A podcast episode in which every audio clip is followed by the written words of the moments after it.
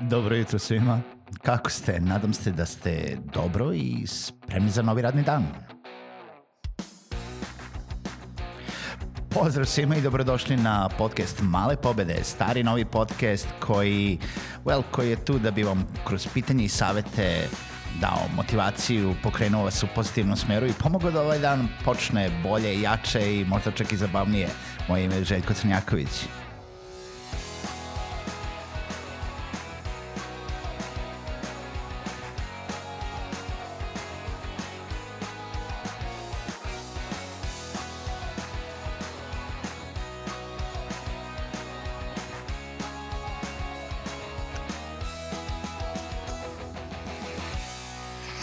Pozdrav svima i ovo jutro i dobro jutro i dobrodošli u još jednu epizodu podcasta Male pobede.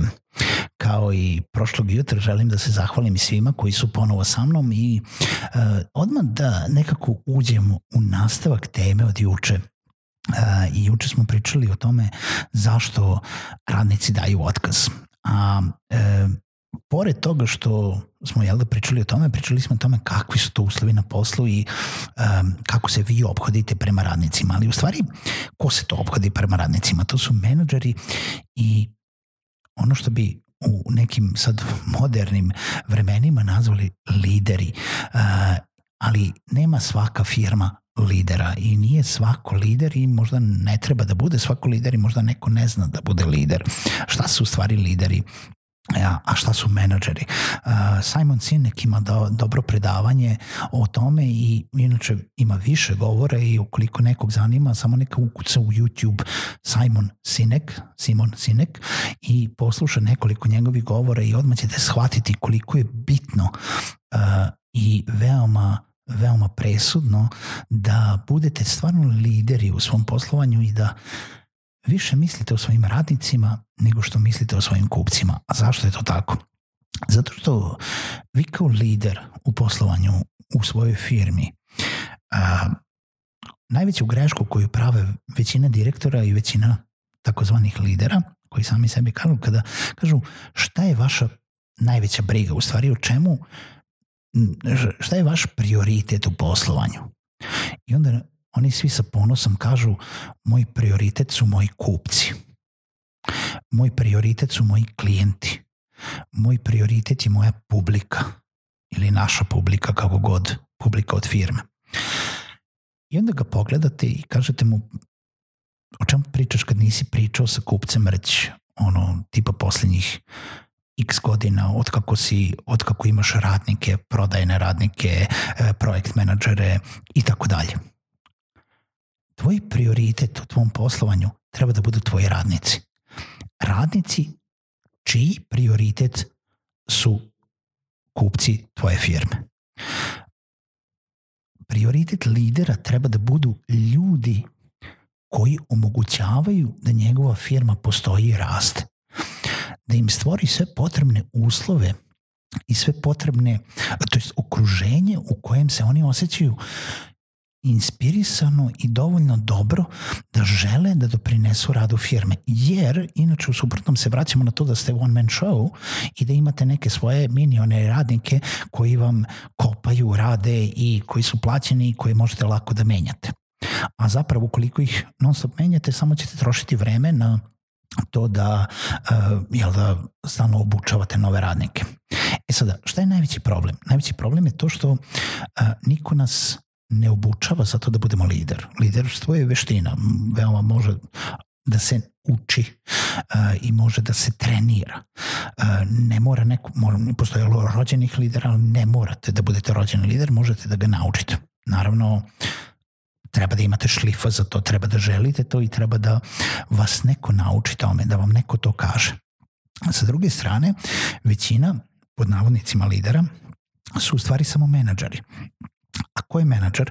Menadžer je neko ko je nekad bio radnik, uglavnom, i ko je dovoljno napredao u svom poslu, da odjednom ima nekoliko ljudi koji je zaduženo, za koje je on zadužen. E, nekoliko ljudi ispod sebe.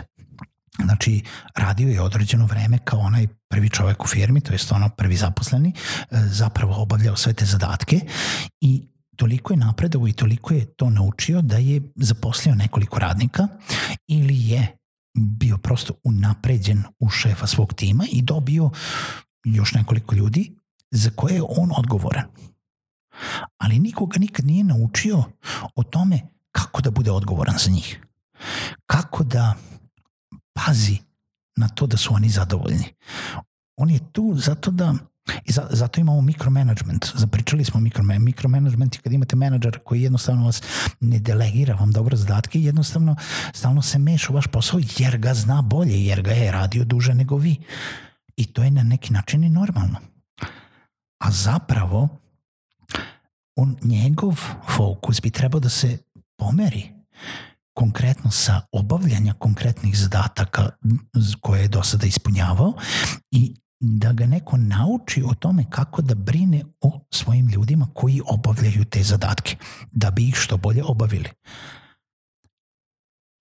Ne, nekada, neko će sad reći da nije to tako, menadžeri i dalje moraju da obavljaju neke zadatke, moraju da kontrolišu. Da, moraju da kontrolišu, ali da bi ona dva radnika koja su ispod njega bila najproduktivnije i naj, da bi izvukli najbolje što možemo iz njih, ne da bi najbolje obavili posao, ne da bi oni bili najproduktivniji, nego da bi izvukli da oni budu najbolji što mogu svaki dan, moramo da se brinemo o njima. Moramo da im pristupimo sa empatijom.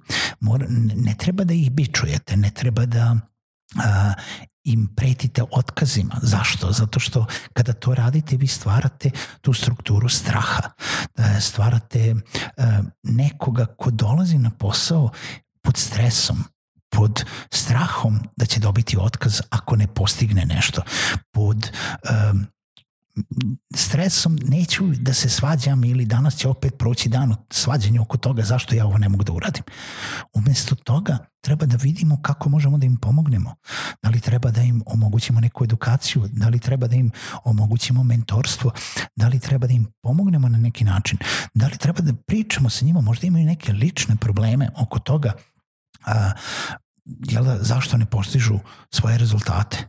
Ima priča oko toga, gomila osiguravajućih društava je imalo uh, celu scenu da radnici koji ne ispune svoju kvotu za dati mesec, nebitno koliko dugo radni staža imaju, lete, ćao, doviđenja, ako nisi radim već tri godine, lupam za osiguravajuće društvo i ako nisam ispunio svoju kvotu za dati mesec posle treće godine, ćao, doviđenja, nema.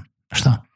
Nisi ispunio kvotu, umesto da neko dođe i kaže ok, nisi ispunio kvotu ili nisi ispunio kvotu za posljednje dva, tri meseca, i si dobro?